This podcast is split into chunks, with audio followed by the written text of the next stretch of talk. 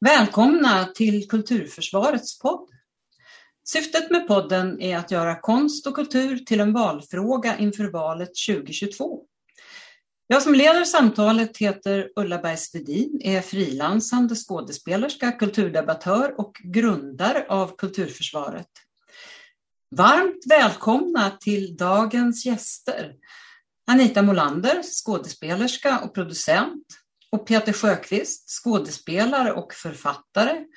Och ni driver också agenturen Scandinavian Primetime Actors tillsammans. Och här brukar jag fråga gästen, vi har vanligtvis en gäst, vem är du och vad arbetar du med för närvarande? Så jag börjar med att fråga er var och en och sen får ni svara tillsammans vad gäller agenturen. Så kan vi göra så? Det går fint. Tack för att vi fick vara med, får jag säga också. Ja, det får du gärna säga. Så vi börjar med dig Anita. Vem är Anita Molander och vad arbetar du med för närvarande? Anita Molander är skådespelare. Det är 50 år sedan i år sedan jag gjorde mitt första professionella jobb som jag fick betalt för. Eh, jag har jobbat många år på Dramaten, jag har varit regiassistent, producent, eh, det mesta. Jag har nog varit allting utom eh, scenarbetare och till och med det har jag ibland gjort. Ehm, och just nu så försöker jag överleva. Jag är nu uppe i en ålder där det inte finns så mycket jobb och jag är dessutom handikappad. Jag har svårt att gå på grund av svår artros. Men jag överlever. Jag skriver artiklar, jag eh, översätter väldigt mycket. Jag dubbar, för det kan man göra utan ben. Och, eh, och har startat en agentur ihop med Peter. Just det. Vad, är det du dubbar för något? En tecknad film. Tecknad eller animerad film.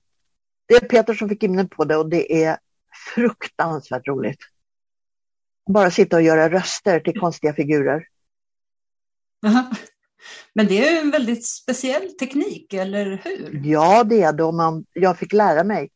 Peter var så snäll så han tog med mig i början för, gud, det måste vara nästan 30 år sedan, eh, där jag fick göra en replik och så testa hur det kändes. Och så insåg jag vad mycket man måste lära sig för att kunna göra det. Du måste kunna din röst, du måste kunna lyssna, du måste vara musikalisk så att du kommer i rätt rytm. Och du måste samtidigt titta på hur munnen ser ut på filmen. Du kan inte, det måste matcha något sånär. Så mycket det bara går så måste det matcha munrörelser. Det är urkul! Och ja, och karaktär också, eller hur? Ja, oh ja. Mormor i, i eh, de här filmerna om Pip Lille Pip, Lille Fågeln och hans farmor eller mormor. Eh, det är jättekul, för då plötsligt är jag en mycket gammal kvinna. Och det är fruktansvärt ja. roligt. tack Peter! Jag passar på att säga tack Peter för att du fick in mig på det här. Mm. Ja, och Peter då? Vem är du och vad arbetar du med för närvarande? Ja, vem är jag? Det är ju den ständiga frågan. eh, vad jag arbetar med för närvarande? Jag, jag har ju varit eh, i år faktiskt skådespelare i, i 40 år. Eh, då gjorde jag mitt första betalda skådespelarjobb 1981. Eh, och eh, sedan dess har jag jobbat som det. Och sen kom jag också in som eh, Anita nämnde i dubbningsbranschen för 30 ja, det är många år sedan. Eh, 33 år sedan. Och eh, där hamnade jag som eh, översättare när branschen sjönk eh, och det inte fanns så mycket dubbjobb. Och sen så hamnade jag också som regissör på en, eh, ett stort företag. Eh, och där jobbade jag som regissör i tio år och eh, de sista åren jobbade jag även som chef för den studion. Eh, och sen sa jag upp mig och sen har jag kämpat på och visste väl inte riktigt vad jag skulle göra efter det, för då hade jag jobbat i tre år som administratör mest. Så jag såg mig väl som en, en chef eller mellanchef eller någonting sånt, så det var sådana jobb jag sökte. Eh, och eh, sen började jag skriva, så då blev jag, gav ut en bok förra året som heter Fragment som om vi aldrig fanns och har en massa projekt i huvudet som jag vill skriva. Jag sitter också och jobbar med eh, filmmanus eh, som får gå i den takt det går. Och för närvarande så, så, så jobbar jag mest med eh, agenturen och har gjort mm. sedan januari, februari. Eh, har det nästan varit eh, mer än heltid eh, med praktiska saker. Och så är jag fotograf boken, också. Ja. ja. Den här boken som du gav ut förra året, det är, det är, en, det är en ganska personlig bok, eller hur? Eh, jag, jag, kan säga så här, jag skrev boken i tredje person för att eh, undvika den här personliga, personliga delen. Men, men självklart, eh, läser man den så, så behöver man inte vara eh, eh, raketforskare för att räkna ut att det handlar mycket om mitt eget liv. Eh, och, och, Det handlar ju framför allt också om kampen för överlevnad, både i en relation och eh, i att ta sig tillbaka till en bransch som eh, har glömt bort den. Som skådespelare då. Då är vi nog eh, många som kan känna igen oss, kan jag tänka mig. Det, det tror jag. Det kanske inte var riktigt lika illa som för, för Johannes i boken, får vi hoppas. Men eh, det, jag tror att många kan känna igen sig i, i den där kampen. Men du, du sa att du hamnade i dubbningsbranschen. Eh, det där, jag har hört flera som har sagt så hamnade jag där, då hamnade jag där. Hur hamnar man i dubbningsbranschen? Ja, det, det är ofta genom att man känner någon som dubbar. Mm. Eh, och jag kände en skådespelare, för jag var på Malmö stadsteater, sa upp mig därifrån och tänkte att nu ska jag bli eh, stor skådespelare i Stockholm. Eh, vilket jag inte blev tyvärr. men men eh, där eh, var det en skådespelare som sa då att hör av dig till en dubbningsstudio. Så fick jag ett namn och så ringde jag till den personen och då sa den personen ring till den här personen. Och Eh, den personen sa då, jag säger den där personen att, att du ska ringa till mig, då är du bra. Så då fick jag komma in och göra ett röstprov och, och det var så jag hamnade där. Det var mer än... Och sen var det det att det var väldigt, väldigt roligt. Eh, för jag älskar eh, röst och tal och, och gjorde redan på Teaterhögskolan. Och uppfostrades också i den andan av min, min mamma och mormor och morfar. Eh, med ett gott vokabulär och mm. att vara välartikulerad. Eh, så att det där passade mig väldigt bra så att jag hamnade helt och hållet i den branschen. Så det gjorde ju också att jag kom bort lite från, från den övriga teater och, och eh, filmvärlden för att det var så... Ja, då på den tiden var en månadslön på en teater cirka 16 000 kronor och det tjänade jag på en vecka, så att med på mycket mindre tid. Mm. Så att då tyckte jag att det var härligt som det var. Det var både lukrativt och roligt helt enkelt. Ja, och, och, och även många gånger otroligt tråkigt. Och, och, det är det som är konsten eh, med att dubba, att stå och göra någonting som är...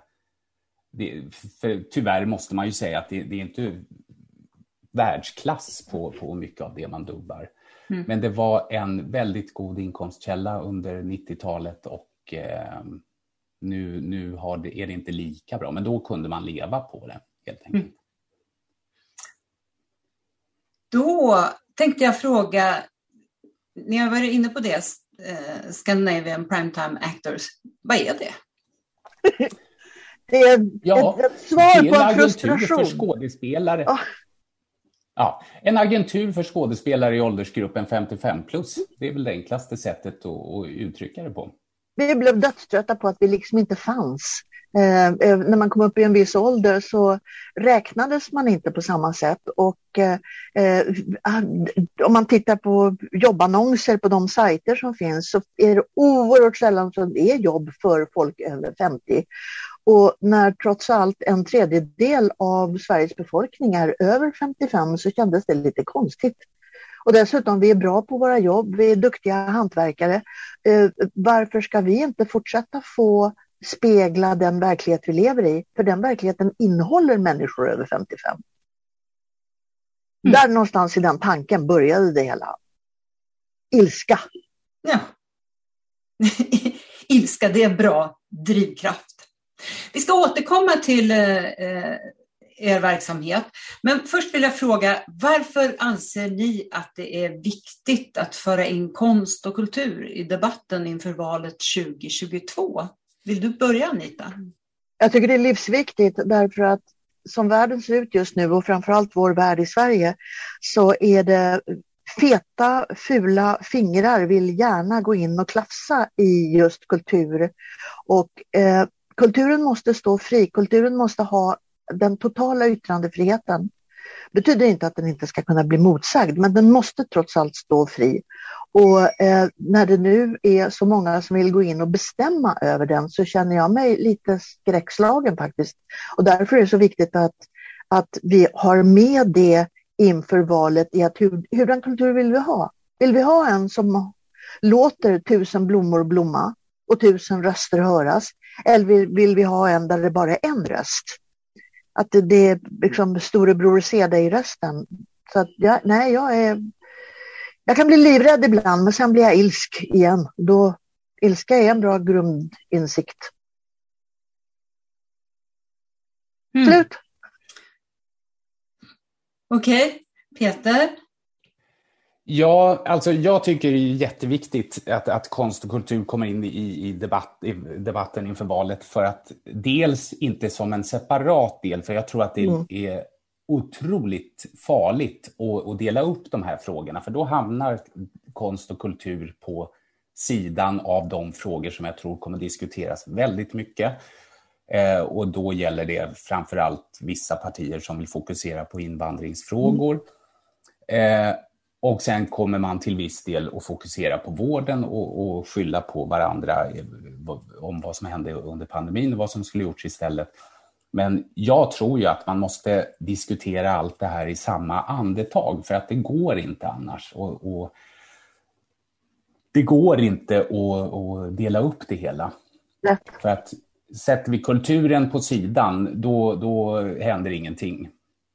Det, det, det, har vi sett förut när man ska diskutera kultur, att då säger man vi kulturarbetare. Och, och ofta är det ju inte vi kulturarbetare som, som får komma fram, utan det blir ju de etablerade eh, kulturarbetarna då som, som finns. Så att det är inte vi som sitter och står och sliter nere på kulturgräsmattan, utan det är ju de som sitter uppe på altanen som får sitta och diskutera det här. Om det ens är dem. Ibland blir det bara mm. professionella debattörer som pratar om vårt jobb som om de förstod det. Och det kan göra mig ännu mer ilsken, men eh, precis som Peter säger, det måste vara eh, eh, det får inte vara något litet gulligt undantag i ett hörn det här med kultur. Kultur måste vara med hela tiden. Och vi, måste, vi är en del av samhället.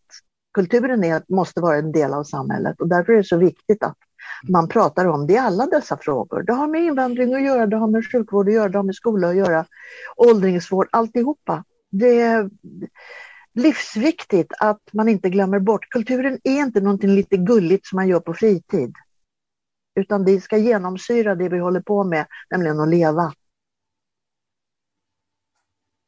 Ja, apropå det, eh, du pratade om fritid där, eh, Anita. Tillgång till kultur, det hade ni båda som barn. Och du Peter, du var faktiskt med i en grupp som valde ut konst till skolan där du gick bland annat. Berätta om det. Ja, det var ju ganska fantastiskt och det var ju i 70-talets begynnelse eh, såklart. Eh, men då hade vi ett konstråd. Jag började ju skolan 71 och så tror jag att det var 73 kanske när jag var cirka 10 år så, så valdes jag in i skolans konstråd som vi hade då. Och då fick vi alltså åka med till eh, utställningar och se vilken konst som vi elever ville ha in på skolan. Och det här var ju helt fantastiskt och, och, och jag tänker på det ibland För att vad, vad det gjorde med mig som tioåring var ju att jag fick se annat än de här som jag såg hövolmar och sånt som, som satt på väggarna hos min eh, mormor och vi hade väl några eh, konstiga planscher också i vår lilla fyra i Rinkeby. Men det här var ju också en, en fantastisk möjlighet att få se eh, ny svensk modern konst. Eh, och det här var ju då i samma veva som Marie-Louise De Bergenstråle, som hon hette då, eh, började eh, slå igenom. Och, och, hennes konst fastnade ju jag för. Eh, nu kommer mm. inte jag ihåg om vi fick köpa in någon tavla av henne. Men, men, men, jag fastnade väldigt mycket för det här, för det, det, var en konst som jag aldrig eh, hade haft tillgång till. Utan jag hade sett mm. Jenny Linds julkort och, och kanske något, något Zorn-motiv eller Carl Larsson eller någonting. Eh, så att där känner jag att det var otroligt viktigt och det är därför som både jag och Anita har nämnt det viktigt att det här måste vara en del i, i allting. För där börjar det i skolan, så det är kulturen i skolan, konsten och kulturen. Eh, för att det gör så mycket med oss människor att få uppleva saker. Vi fick också gå på teater. Mm. Så att som sexåring var jag och såg eh, Pelle Svanslös på Stadsteatern. Eh, och jag kommer än idag ihåg hur det var att sitta i salongen där. Och det är otroligt viktigt och, och därför går det inte att frångå att, att när man talar om konst och kultur så måste man prata om tillgång till kultur och den måste vi alla ha tillgång till. Inte bara tänker, en viss sorts människor. Nej men precis, jag tänker också på just också ett sånt förtroende som Eh, som elev då att få vara med och ta beslut? Ja, och, och det var ju också, vi, vi hade ju också eh, en, en budget att förhålla mm. oss till. Så att eh, om, om vi tyckte om en dyr tavla, då blev det bara den.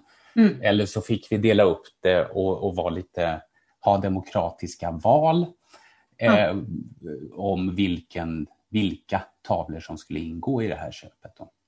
Ja. Jag tycker det låter fantastiskt. Och sen en, en grej om det här med tillgång till teater. För att när jag gick, när jag gick i plugget, vilket var ah, långt före Peter, på 60-talet, då två, tre gånger mm. per år var vi på Kinateatern eller på Dramaten. Det var gratisbiljetter och vi fick mm. se föreställningar som var speciellt gjorda för ungdomar. Eh, och det mm. var fantastiskt fullkomligt fantastiskt. Varje jul gick vi på Operan för att se Lille Petters resa till månen. Det här känns väldigt 1800-tal, mm. men det var, det var ju en upplevelse att upptäcka Wow, vad häftigt! Men sen när jag började jobba på Dramaten då var det minsann inga skolföreställningar på det sättet. Utan där blev det istället så att de föreställningar som gick lite dåligt, där lämnade man gärna ut biljetter till skolor det var otroligt roligt att spela för ungdomar som absolut inte ville vara där i ganska tråkiga föreställningar. Så att, eh, jag tror vi där medverkade till ett kulturförakt som var nog rätt gigantiskt hos de, hos de 16-17-åringar som tvingades dit av sin skola för att se någonting pisstråkigt. Det där kan fortfarande göra mig väldigt arg, för det är en sån, det är en sån misshandel av den kultur som jag tycker ska beröra alla och som faktiskt ska angå alla. Jaha, för att då, då kunde man tänka sig att det, det var fritt inträde ja. då, och då kunde också skolorna komma? Ja, för att då, då gavs... De betala. Ja, precis. Men då var det minsann inga föreställningar längre på Kinateatern som var tänkta för, för, 16, eh, för tonåringar, som ju absolut är den svåraste gruppen att nå. Eh, och, det var inte avsedd målgrupp? Nej, vi hade barnföreställningar men vi hade inte föreställningar för tonåringar som det var på Kinateatern. På Dramaten mm. fanns det både barnföreställningar och tonårsföreställningar då på 60-talet. Mm. Mm. Får jag fråga, när, när, ni kom hem då sen, hade ni också samtal kring de här föreställningarna? du, jag har en pappa som är skådespelare, en farfar som var regissör. Så att det pratades bara i princip teater och så politik. Jo, jag tänkte i skolan. Eh, ja, det pratades om. Hade vi varit där och tittat på det, vi hade en väldigt aktiv eh, svensklärare. Vi pratade mycket om det vi hade sett. Så att jag skulle ja. tro att ingen i min klass i Gärdeskolan var eh, okunnig om att det hade funnits gubbar som Shakespeare, Molière och Strindberg. Sen om man inte tyckte ja. det alltid var så kul. Men, men nu säger du Anita Anita, nu säger du att ni hade en svensklärare, så det här var ju lite högre årskurs? Nej, det var i åttan, nian. Ja, det, det, ja, alltså, ton, jag, jag tänker på tonårsföreställningen. Ja, ja, just det. Mm. Ja, precis. Mm. Ja, men det är väl ofta svensklärarna som har haft den här uppgiften. Och jag har träffat en hel del svensklärare när vi har varit ute från Folkteatern på besök i skolor som har varit oerhört engagerade och eh, ja, som har varit de som har också tagit med elever i olika åldrar på teater och som har bjudit in oss för att eh, komma och besöka i skolan och så. Det, det är väldigt många mm. svensklärare tycker jag som har haft den uppgiften och tagit den på stort allvar. Och det är oftast eh, kvinnliga lärare tycker jag. Jag hade ju själv en lärare i högstadiet som hette Dagny Sjöberg som var väldigt uppmuntrande till till exempel att, eh, att jag skrev. Ah. För jag skrev dikter och, och, små historier. Och hon jobbade till och med för att sammanföra mig med en riktig författare, då, en utgiven författare. För mm. att eh, jag skulle kunna skriva en bok. Men, men eftersom jag var 15, 14-15 så, så låg inte mitt intresse just åt att skriva böcker själv. Men, men, din fråga är ju väldigt viktig Ulla för att diskuterade ni det här sen? För att det är ju det som är det intressanta att med, med mitt konstråd, att, att vi fick diskutera mm. varför skulle vi ha en tavla, vad var det vi tyckte om med den? När vi hade varit på en föreställning så pratade vi om det. Och också hemmet är ju otroligt viktigt. Jag, Anita växte upp i en teaterfamilj, jag växte upp i, i en eh, jag vill inte kalla det intellektuell, men min morfar var präst och väldigt intresserad av eh, litteratur och eh, jag fick böcker i födelsedagspresent och uppmuntrades att läsa och, och även engagera mig i, i samhället. Ja. Så att när vi satt, jag kunde alla politiker, i alla fall de som var på tv och i tidningar på den tiden. Idag känner jag bara till de här japparna som, som skriker mest i stort sett. Eh, och eh, det gjorde ju sen också att jag fick en, en annan syn på mig själv som en del av ett samhälle. Mm och även av en, en värld. Idag är vi separerade. Barn är barn och sen är vi andra. Eh, min ström höll på att gå där. Eh, så barn är barn, eh, skola är skola eh, mm. och, och, föräldrar är föräldrar och vi är olika grupper. Det här är det, det, det är därför, tror jag, som det, att det ser ut som det gör i samhället idag. För också så är det det här med tillgången som vi var inne på förut. Det är, nu får jag eh, svära lite, det är fan i mig inte möjligt för en ensamstående trebarnsmamma idag att ta med sina ungar vare sig på bio, teater eller museum om hon ska betala för det. Nej. Eller han om det är en ensamstående pappa. Och det är för jävligt. Och det, vi, jag blir förbannad på den här ja men jag har det ju bra och eh, har Netflix. Men någonstans så måste vi prata om det här, vad vill vi ha för samhälle? Ja. Där... Ja, att det ska vara lika möjligheter ja. för alla. Om inte alla har samma förutsättningar, men vi ändå ska ställa samma krav på alla, så blir det ju väldigt märkligt. Ja, och där måste vi också få, få del av de nya kulturer som har kommit mm. in i Sverige och de måste också få ta del av vår kultur. Ja. Och jag tillbringade ju sju och ett halvt år väldigt mycket i Norge och eh, som gammal eh, vänsterperson så, så blev jag faktiskt royalist på kuppen för att det kungahuset eh, som Norge har som faktiskt står för någonting och tar ett ansvar i, i, sina nyttårstaler då som kung, kungen har.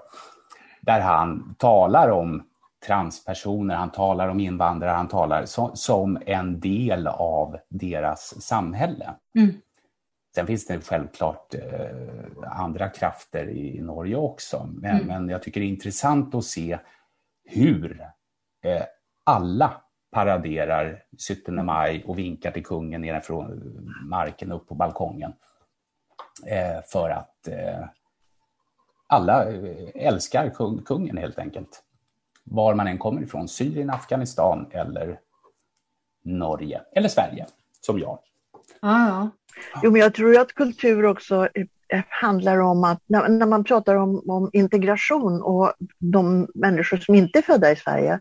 Eh, jag har en himla trevlig väninna, hon är nu 23. Henne har jag känt sedan hon var 16. Eh, hon är född i Uzbekistan. När hon kom hem till mig för en fyra, mm. fem år sedan, det var första gången hon var hemma hos en svensk och ändå har hon gått i svensk skola sedan hon var nio år. Hon har aldrig varit hemma hos en svensk familj, hos någon svenskfödd överhuvudtaget. Sen har hon dragit med sig andra kamrater för jag var läxhjälpare ute i Rinkeby. Och där har jag träffat ett helt gäng och de tjejerna är nu, de kommer att hälsa på mig med jämna mellanrum. Och jag tog det som en stor komplimang att nu en av dem ringde och frågade om jag skulle kunna hjälpa hennes mamma med svenskan. Ja, med mm. glädje. Det ska bli urkul att träffa Saras mamma. Det enda var att Sara sa, för du har blivit lite som en mormor för oss och då kände jag mig fruktansvärt gammal.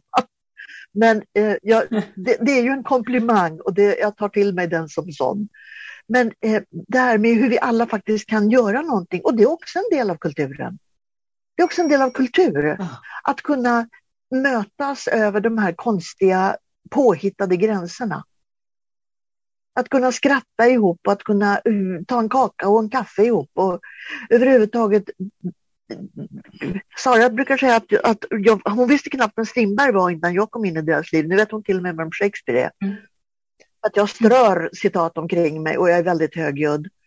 Um, så att jag tycker det är, och jag tycker det är en ynnest för mig, född och uppvuxen i Sverige, att få stöta och blötas mot hennes somaliska kultur och, och eh, Dioras uzbekistanska kultur, eller uzbekiska kanske heter. Och eh, en från Eritrea och sen har jag en kompis från Syrien. Så att, om folk ändå kunde förstå att möta andra kulturer, nu talar vi kulturer i mycket vidare bemärkelse. Ja, ja visst, absolut. För att möta dem, det är en present. Det är inget straff ja. eller någonting som man smittas av, utan det är underbart kul. Hacka i er det. Och Verkligen ja. berikande. Ja, alla sätt För inte tala om alla goda nya saker man får smaka på som man inte visste fanns. Eller hur? Ja.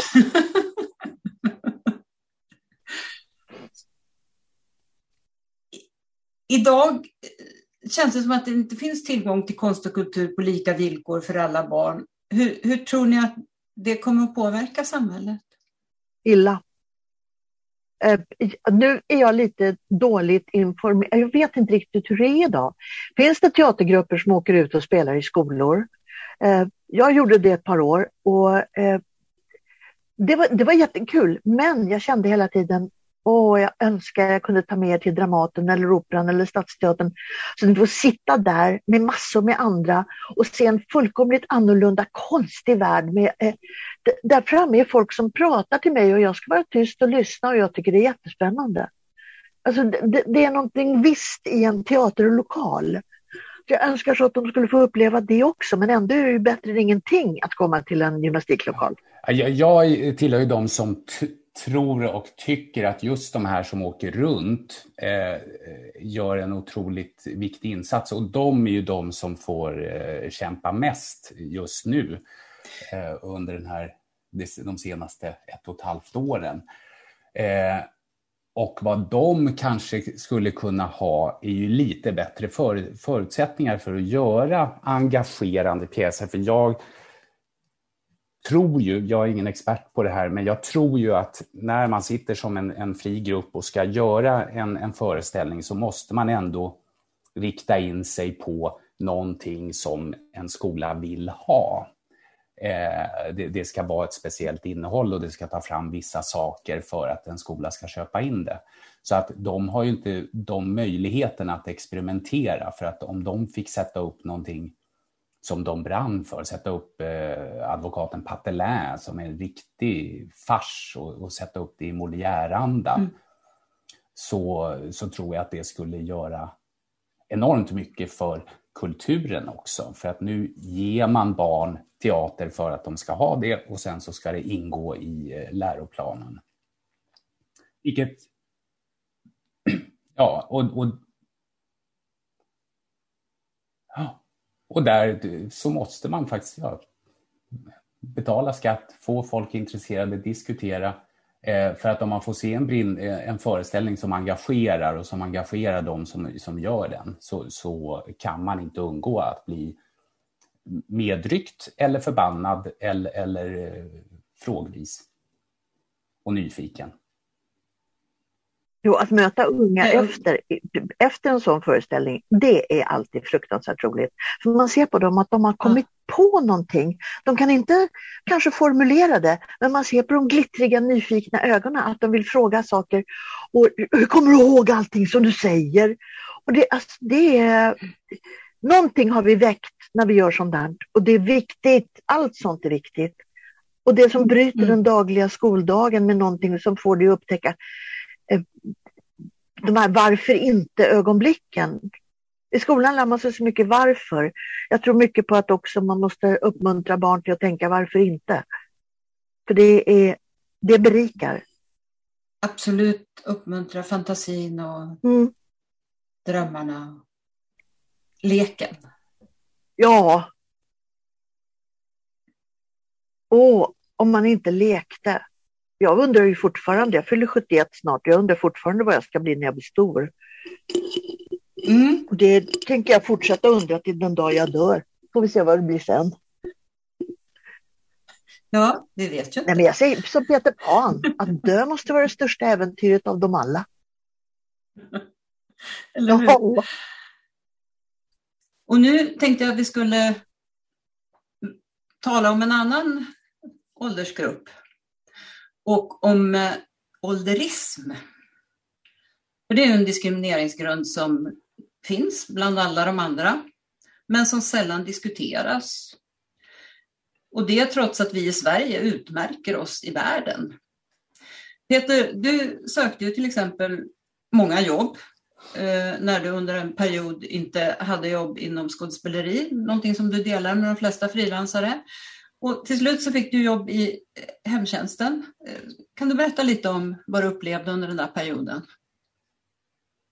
Ja, eh, först och främst så var en, en stor an, anledning till att jag inte kunde arbeta som skådespelare, men inte enbart, var, var ju egen förskyllan. Att jag hade mer och mer dra, kommit bort från branschen så att säga på olika sätt. Som jag sa i förra avsnittet om dubbning att det var så välbetalt så jag höll bara på med dubbning och sen så hamnade jag i en eh, relation som, som eh, mestadels befann sig i Norge under sju och ett halvt år. Och det gjorde också att jag kom bort och sen så mitt yrkes senaste yrke då eh, som mm. chef gjorde också att jag försvann.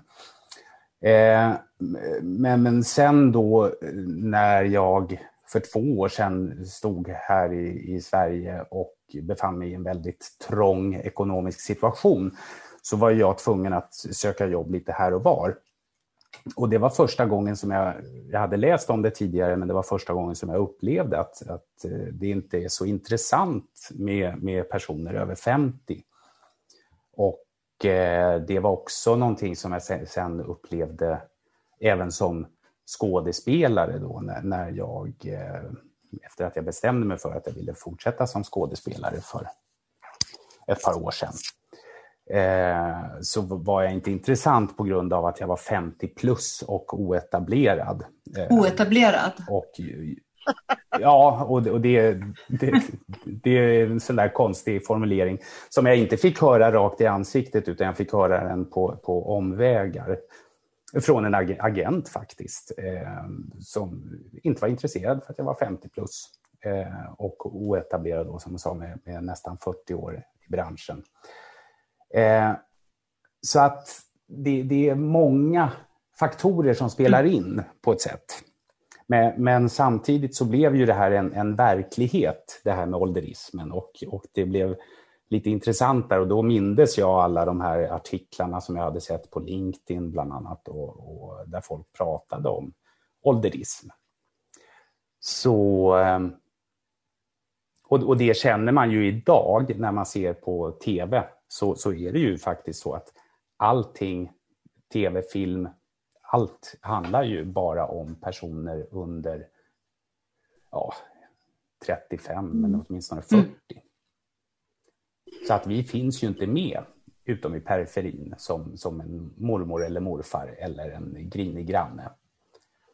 Mm. Mycket sällan det berättas historier som utgår ifrån människor som är lite äldre, där de står i fokus. De kan få vara med och vara stöttande, men de, de får inte sina berättelser berättade. Och det är bara någon gång ibland. Och det tycker jag är så vansinnigt synd, för de utgör en tredjedel av Sveriges befolkning. Kom igen! Det, om vi inte kan berätta om alla människor som finns så blir det väldigt eh, tråkigt. Och dessutom inte speciellt sanningsenligt med den verklighet som vi alla befinner oss i. Nej, det, det är lite märkligt. Jag vet inte, den här, den här rollen som Britt-Marie som fikar, som är 45, ja. kanske kommer att bli en sån här framtida hangroll. Jag blev så arg över den artikeln så jag gick i taket. Nej, men jag satt och tittade på Downton Abbey och blev grymt avundsjuk på rakt av. Alltså nu på ett, spelfilmen såg jag om häromdagen. Och Maggie Smith är en bra bit över 80. Och det, alltså det är en sån här roll som man skulle vilja sätta tänderna i vilken ålder du än är i, för den är så, mm. den är så komplett.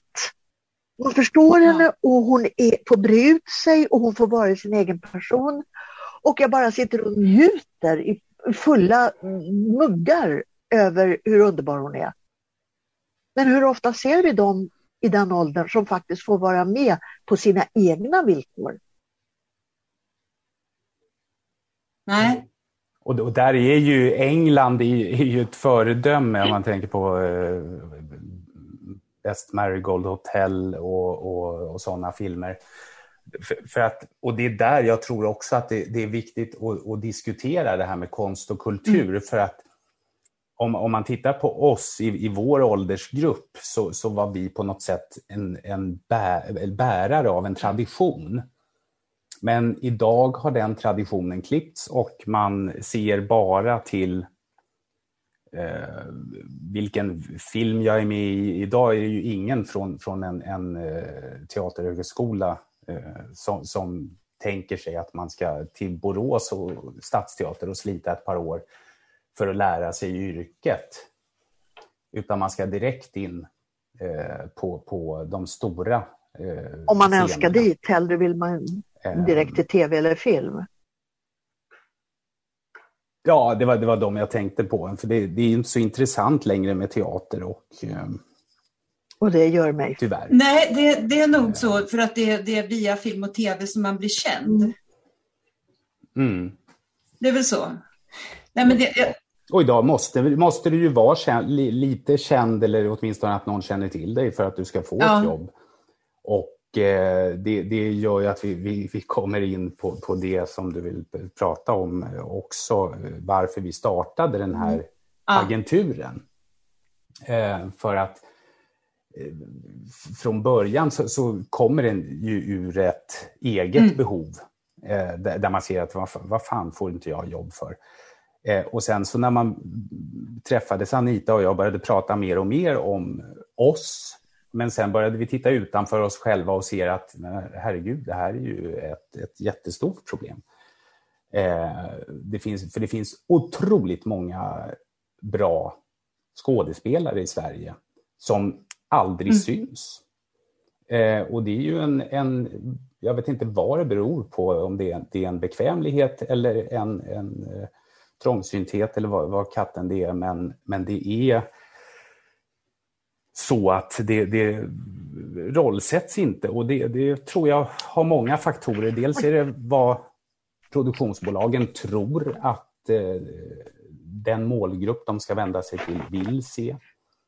Eh, så att man vågar inte ta risker.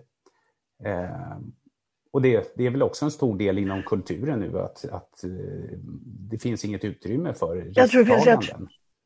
Att göra en mm. stor uppsättning som floppar och får lägga ner efter två dagar för att den, eh, det är ingen som kommer.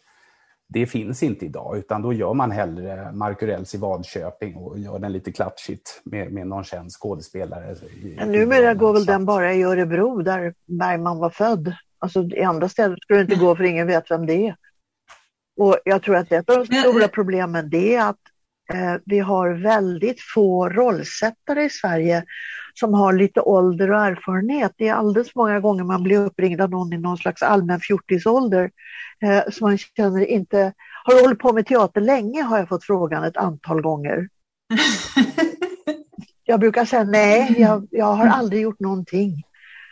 Eh, men det där driver mig till lättare vansinne för att det är också, om man tittar på England, där är folk Alltså du blir inte rollsättare hux flux liksom. Där känns det som man sätter de som gör prao på att rollsätta och det, det, det blir så fel. Det blir inga mm. bra historier av det om det bara ska vara samma människor och de som redan är kända. Mm. Mm. Där, där har jag, jag en lite annan uppfattning. För att jag, jag förstår vad, vad, du menar Anita, just när de ringer från när någon på ett produktionsbolag eh, ringer. Men om man tittar på de här Eh, oftast kvinnor, det också, eh, som är otroligt Du har rätt, det är de på produktionsbolag, ja. Eh, eh ja, eh, och eh, som är fantastiskt duktiga och jag har ofta, jag älskar att provfilma. Det, det, idag är det ju faktiskt lika roligt att provfilma som att få ett jobb. för att någon har tänkt på en. Men vad jag upplever med, med de här eh, rollsättarna är ju att de är otroligt eh, duktiga och de är väldigt måna om också att man ska visa fram sitt bästa. Och, och det är flera gånger som jag har tänkt varför är inte ja. de här regissörer? Eh, varför, för, som jag kan tänka mig också eh, är en anledning i om man vill hålla på med film, ja, det, det, är inte, det är inte lika lätt som kvinna och regissör som att vara man och regissör. Precis som vi upplever nu som agentur, att det är tuffare för kvinnor än för män. Även om det är tufft för oss män också, så är det ännu tuffare. Och för förlåt till er rollsättare som lyssnar på det här. Såklart, det, det finns massa duktiga, det är alldeles rätt. Tusse Lande, Katrin Widerud, jag menar, buketten är stor och det är jätteskönt att ni finns. Men kan ni lära upp de där praoeleverna mm. så blir jag tacksam. Och så får vi inte glömma det fåtal ja, män just det. som det gör också. ja, så att, eh, men, men, men det är oftast kvinnor och de, de är väldigt duktiga. Men jag tror ju att det är eh, marknaden som, som man gärna eh, pratar om i både politik och även i vår bransch som, som styr. ja, för, för min uppfattning är väl att det är inte rollsättarna som bestämmer vilka som får rollerna utan det är igen, och inte regissörerna heller alltid utan producenterna. Men ännu mer viktigt, materialet som ska spelas in eller framföras på en scen. Eh, det som väljs när det inte finns eh, när det inte är med så många äldre. Jag, tycker, alltså, jag förstår inte riktigt att de inte då eh, hör en liten varningsklocka. Men det här är kanske, nu har vi gjort fyra produktioner på raken där ingen var över 40. Borde vi inte göra någonting som berättar om fler människor i Sverige än de som bara är över 40, under 40? Eh, hallå produktionsbolag och regissörer, bli lite intresserade av att berätta fler historier. Titta på Lars mm. Molins eh, Den tatuerade änkan med en levnadsglad 70-årig Mona Malm i mitten. Jäklar mm. så bra den var. Och var, där var väl ingen under 60 som var med? Nej, det var ju även, även alla, hennes, alla, alla hennes eh, motspelare var ju ja. män. Så det var ju gott om roller för män där ja, kan man säga. Det var det. Nej men alltså det är ju, jag, jag tänker också att eh, det är, vad är det, 25 år sedan eller någon 20 år sedan den gick. Eh, alltså det, det är ungefär det spannet mellan, mellan det dyker upp den typen av roller för kvinnor kan vi väl också enas om på något vis. Det, det är ju det man minns dem ju. Ja. Man, man minns ju inte de där kanonrollerna för män för att de är så många så att de de, de, de, behöver vi inte, de, de blir inte på samma sätt liksom, så att man kan plocka fram dem direkt. Men det är väl ungefär den jag skulle tänka också på. Men det var en jättebra vi... artikel i en engelsk tidning bara för ett par veckor sedan om just hur det just nu är, blir mer och mer inne att göra saker med äldre kvinnor i centrum. Eh, den här deckaren mm. som heter Vera till exempel och där har de en annan grej som de till och med mm. nu har börjat skriva i jobbannonser. Har ni funktionshinder är ni extra välkomna att söka.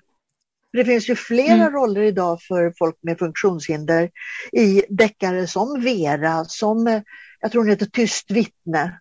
Ehm, mm. Det, och det är så kul för det, det breddar min, eh, min upplevelse av mina medmänniskor när jag får se, se alla sorters människor.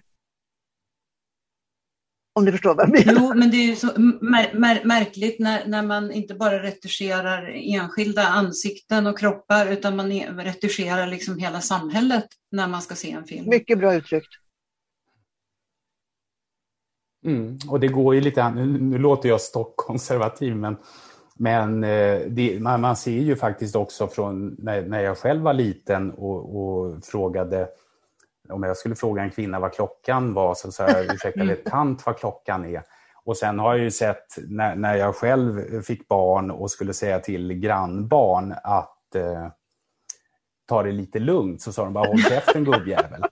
Eh, och det skulle ju inte förekommit. Och, och det här är ju då att om, om vi försvinner ur, ur ett mm. samhälle så försvinner ju också respekten mm. för oss och även för yrket mm. och, och, traditioner och så vidare. Och sen har vi även kunskapen om det samhälle vi bor i som jag ibland kan bli lite undrande över. Jag såg att eh, Amelia Adamo skrev om att när hon skulle starta den här tidningen som heter M, då hade hon mycket mycket mm. svårt att få sponsorer till den för att den skulle rikta sig till kvinnor över 40. Hallå, mm. det är ju kvinnor över 40 som är de som har pengarna. Ju äldre man blir mm. där och fortfarande i yrkesliv. Barnen kostar ingenting längre, de har flyttat ut. Det är då människor har som mest pengar. Villan är, lägenheten mm. är betald. vi klarar oss. Där finns det, alltså, reklamköpare är precis likadana. De tror inte att reklam mm. går hem hos folk över 40. De under 40 mm. är ju fullkomligt ointresserade av reklam för de tittar inte så mycket på TV. Så jag förstår inte logiken i det. Men jag tänkte också på, jag läste just om eh, Kate Winslet i eh, Mayor of Easttown, som väl ni också har sett. Ja. Och eh, där hade ju tydligen, om, om jag tror det var producenten hade sagt att ja men det är, det är ingen fara, vi ska retuschera din mage i en sexscen där vi ska retuschera din mage så att det blir fint. Och då hade hon sagt, du skulle bara våga. Mm. Jag läste den artikeln, det var jättebra. Jag ska ha mina rynkor och jag ska ha min kropp som den ser ut. Och då har hon sagt, ja, men det kommer inte att funka, det kommer inte att gå. Du tar inte bort någonting som mm. du ska få se. Och det blev ju världens succé. Självklart, för mm. människor vill inte se eh, retuscherade, jag vill inte se någon som är retuscherad som är i min ålder för att jag vill se någon som ser ut som jag. Ja. Annars känner jag mig underkänd såklart. Och detta har ju pågått länge. Jag kommer ihåg en artikel jag läste. Mm. Nej, det var en intervju jag såg med Bette Davis. Vi talar om film som är gjord på 40-talet. Där hon berättade hur hon fick slåss för att inte bli sminkad till en scen där hon skulle vakna upp. Alltså de ska följa henne ja, vakna i sängen. Nej, jag ska inte ha full krigsmålning. Och det, det, det är liksom samma sjuka. Ja, det är så absurt. Vi finns. Det, det, var väldigt befriande i Frank and Grace oh. med eh, Lily Tomlin och eh, Jen Fonda. Ja, oh. när hon plötsligt slet av sig alla sina extensions och eh, sminkade av sig och sa det är så här jag ser ut. Liksom. Ja, vad skönt. Ja. Och jag tycker så mycket om den serien. ja.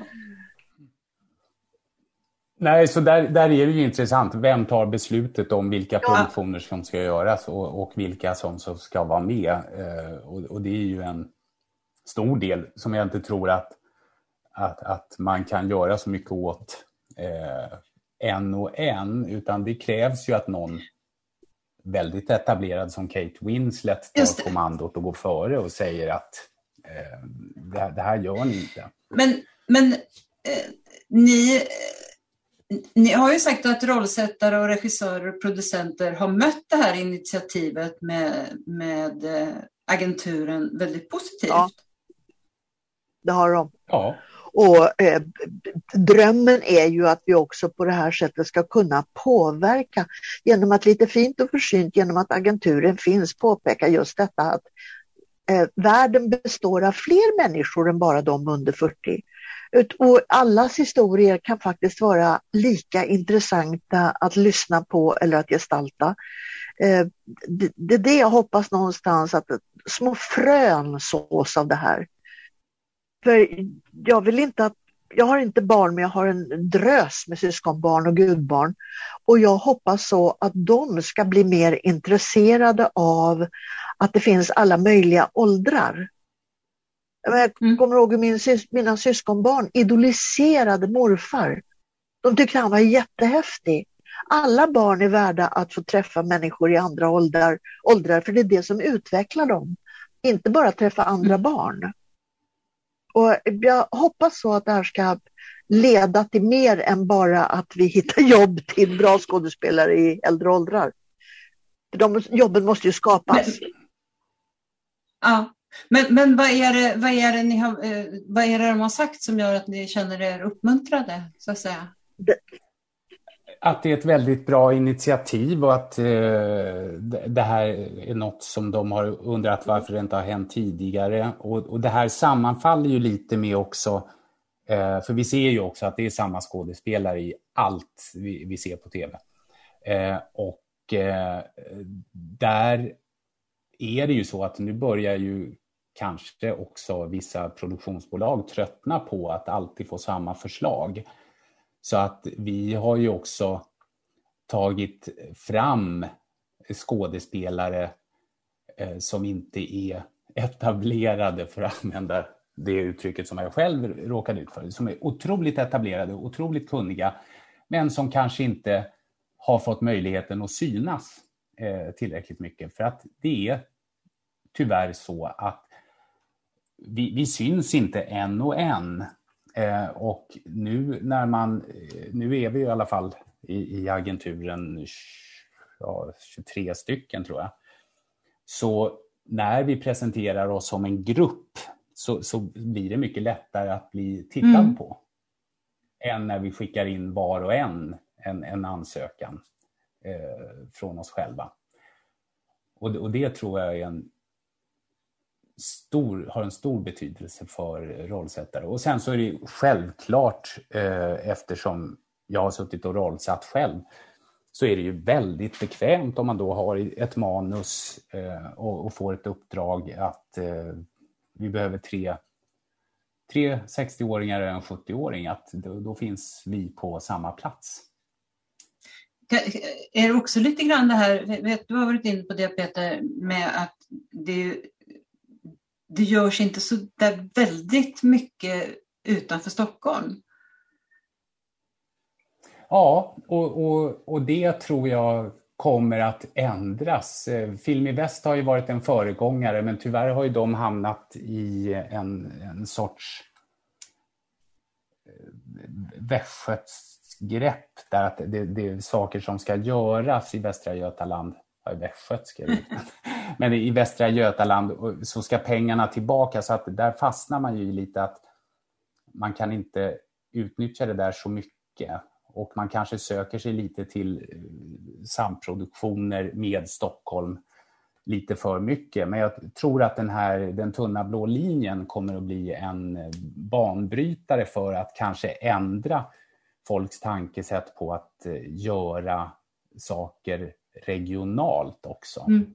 Att eh, nu har vi en jättesuccé som gjordes i eh, Malmö och med otroligt många skånska skådespelare mm. eh, som får komma fram på ett annat sätt. För det är ju inte så att vi, vi ser i, i eh, så, historier som utspelar sig med göteborgare eller Uddevallabor eller att, att det är det historien mm. handlar om. För jag tror att Uddevalla och Trollhättan, eh, Trollhättan är ju otroligt intressant också idag eh, med, med all segregering och rasism som mm. finns där.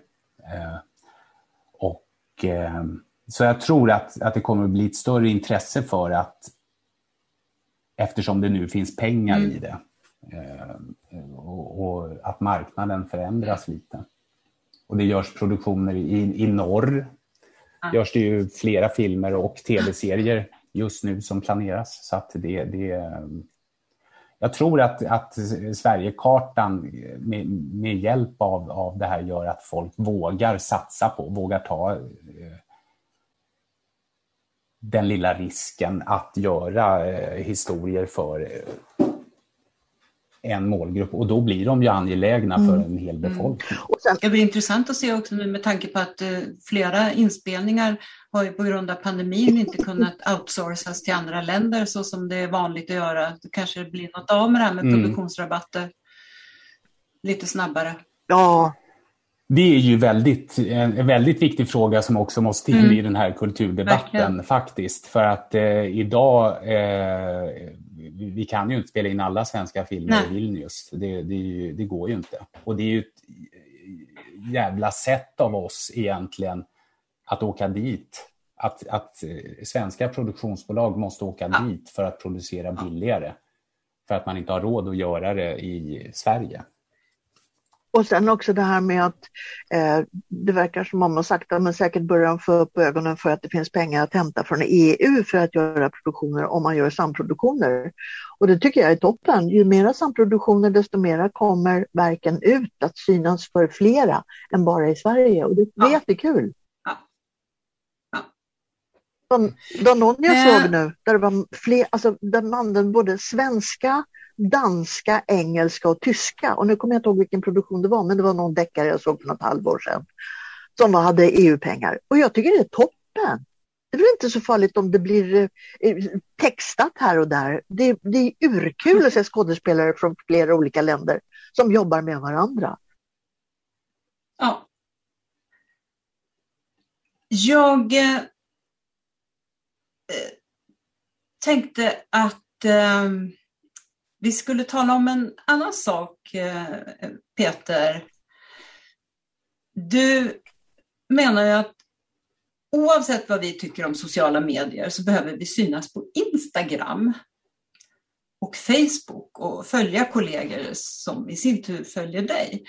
Och att även LinkedIn är en viktig plattform och om vi vill ha jobb så måste vi plisa branschen så att säga.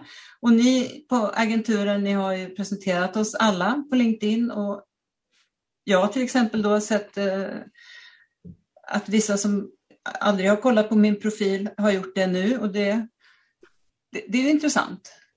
Va, va, va...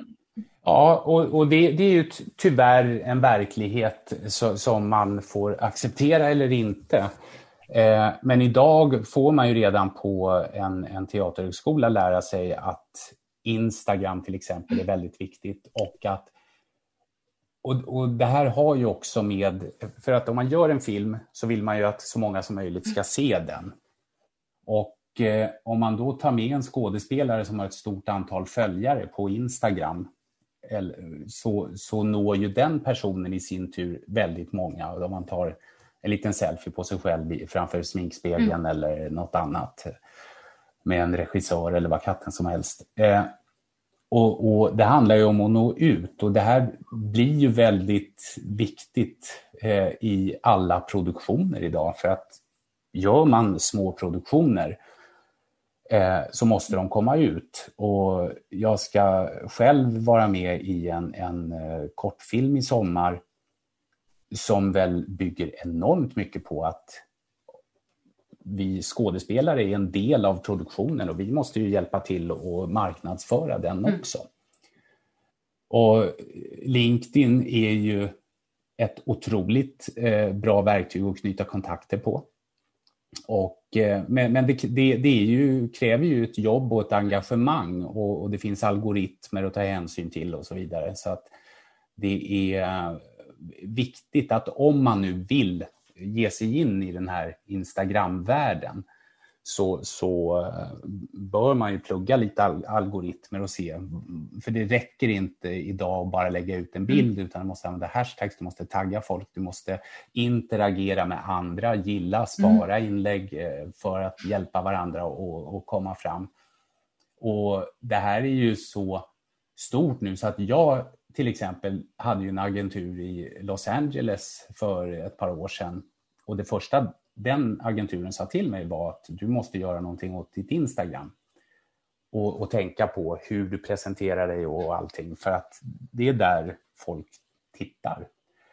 Och eh, då började jag luska lite i det där och eh, jag är ju med i en grupp på Facebook som heter The Original Actors Helping Actors där man varje onsdag har en Social Media Wednesday eh, som går ut på att eh, man går in, lägger in sin länk så följer man varandra för att klättra lite på den här stegen. Och där finns det självklart ruttna ägg också som gärna vill ha hjälp men inte gärna vill hjälpa andra. Och, och, och, det är ju också så idag att det anses ju finare att ha att man ska ligga väldigt lågt på de man följer mm. själv och eh, ha fler följare än de mm. man följer. Och det där tror ju jag och enligt de, det jag vet om Instagram att det där är ju fel. Alltså folk borde ju följa fler. Eh, och sen får man inte följa för många på en gång för att då eh, tror, man, tror de att man är någon spam-robot eller något, en bot eller någonting. Så då åker man ner. Eh, så att det gäller ju att studera de här, men det här är ju en verklighet vi har idag. När, när jag gick ut Teaterhögskolan då lämnade jag ett CV på fem, sex sidor till rollsättare och eh, en videokassett. Idag kan vi liksom skicka ut information på nolltid om oss själva. Och Eh, det blir ju mycket intressantare för en, en producent att ha någon som är aktiv, tror mm. jag. Eh, det här är min personliga åsikt. Eh, och att ha någon som hjälper till att marknadsföra deras mm. produktion. Det enda är att det tar så ja. mycket tid. Jag, jag, jag, men det går att planera och det, går och, och, och, och, det går också att schemalägga. Ja, men det lite, jag gör det, för jag förstår dina eh. argument. Men lite känns ja. det sådär, ja, för igår kom det från någon som hade börjat följa mig på Instagram. Han skrev och frågade om jag var kåt. Då blockerade jag honom. Och, det, och det kändes där att... Ja. Får man av, då får ja, man avfölja. Ja, precis. Det, det är ju inte jag, jag blev lite paff, jag visste inte att det förekom där. Man vill ju se Nej, det förekommer till och med på Word. eh, det, det, är ju så här att eh, det, det, är en verklighet idag, det här med sociala medier. Och det är ju, istället för att se det som, en, som något omöjligt så kan man ju faktiskt se det som en enorm möjlighet eh, att nå ut och också se, eh, se det som en... Jag ser ju mina sociala medier enbart som arbetsverktyg. Eh, och har till och med när jag har talat med rollsättare och diskuterat någon roll så säger de, ser du ut som på bilden på Instagram? Så att rollsättarna är ju också inne. Man får väl helt enkelt se till att välja både, både vilka man följer och eh, vilka som får lov att följa en och så får man använda det på så klokt sätt som möjligt. Men vi får ja, försöka och, och, avrunda ja. det här. Ja. Eh, så då vill jag bara ställa en avslutande fråga. På vilket sätt och av vilka anser ni att konst och kulturpolitiken bör debatteras inför valet 2022 så att det som står i alla de här kulturplanerna blir tydligt att konst och kultur är viktigt för såväl samhälle som medborgare? Jag skulle vilja höra de allihopa ja, prata om, alltså varje företrädare för de olika partierna prata från hjärtat varför ni tycker kultur ska finnas eller varför ni tycker att kultur ska styras. Så att jag vet vad jag har att välja på. Vad tycker ni egentligen mm. om kultur? Ja. Mm. Och, och, och, jag tycker väl att, att svaret ligger lite i din eh, fråga. Eh, att visa eh, varför det är viktigt för eh, såväl mm. samhälle som medborgare. Varför tycker ni att vi inte ska ha, låta skattepengar gå? Varför ska vi ha en, en viss sorts kultur? Och för vem? Och ja. varför? Det tror jag är det viktiga. Ja, det, det, det, låter som väldigt bra råd att skicka vidare, tycker jag. Håller med. Till, till, kanske till de, som, till, till de som ska ställa frågorna i de här valdebatterna. Tack så hemskt mycket Anita och Peter för att ni ville medverka. Tack Ulla. Och tack så hemskt mycket för att vi fick vara med. Bra och, och viktigt att du tar upp Tack för att ni lyssnade. Den som vill veta mer om Kulturförsvaret och om kommande poddar kan gå in på kulturförsvaret.se. Poddarna hittar ni på sidan och där poddar finns. Och om ni vill gå med i vår Facebookgrupp så är det bara att gå in och ansöka om medlemskap. Gruppen är öppen för alla som är intresserade av konst och kultur och som tycker att det är viktigt att konst och kultur och fri press och media diskuteras på samma villkor som andra politikområden inför valet. Tack och på återhörande!